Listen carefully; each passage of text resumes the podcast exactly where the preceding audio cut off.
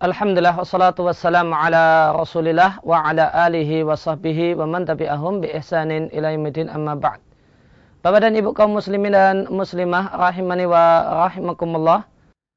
Topik kajian kita dalam kesempatan kali ini kita akan membahas tentang masalah mas kawin atau mahar. Satu hal yang patut untuk kita ketahui bahasanya mahar, eh, mas kawin dalam bahasa Indonesia dalam bahasa Arabnya disebut mahar, itu juga memiliki nama yang lain. Nama yang di antara nama lain untuk mas kawin adalah dalam bahasa Arab disebut sodak. Disebut sodak. Sodak diambil dari kata-kata sodaka yang artinya benar, jujur, dan tulus.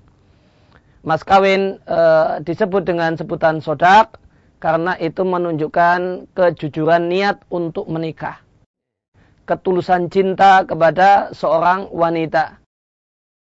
Karena cinta yang tulus, karena cinta yang benar, maka si laki-laki siap untuk berkorban, mengambil sebagian hartanya untuk diserahkan kepada wanita yang dia cintai.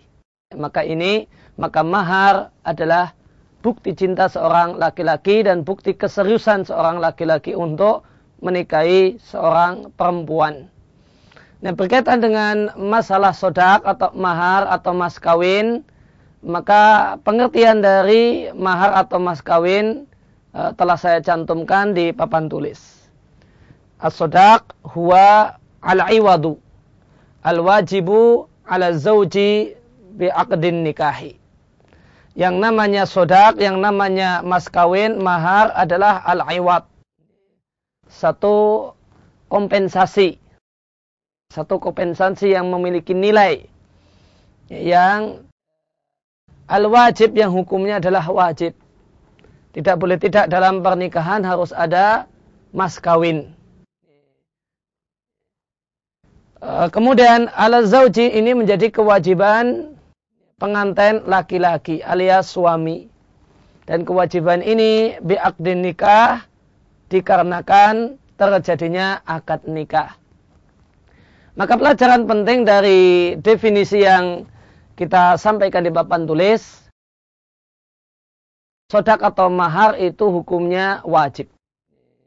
Tidak boleh tidak ada, harus ada dalam sebuah pernikahan.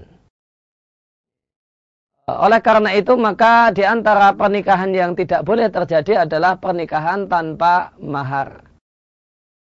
Nah, pernikahan tanpa mahar ini disebut dengan menghibahkan diri kepada seorang laki-laki.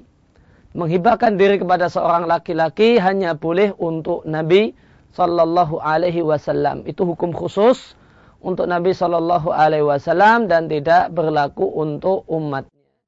Maka untuk umat Muhammad Sallallahu Alaihi Wasallam tidak boleh tidak harus ada mahar yang diserahkan dan diberikan oleh seorang eh, pengantin laki-laki atau suami kepada istrinya. Ini pengertian mahar dan ini yang kita bahas dalam kesempatan kali ini. Wassalamualaikum ala nabiyina Muhammadin wa ala alihi wa sahbihi wasallam.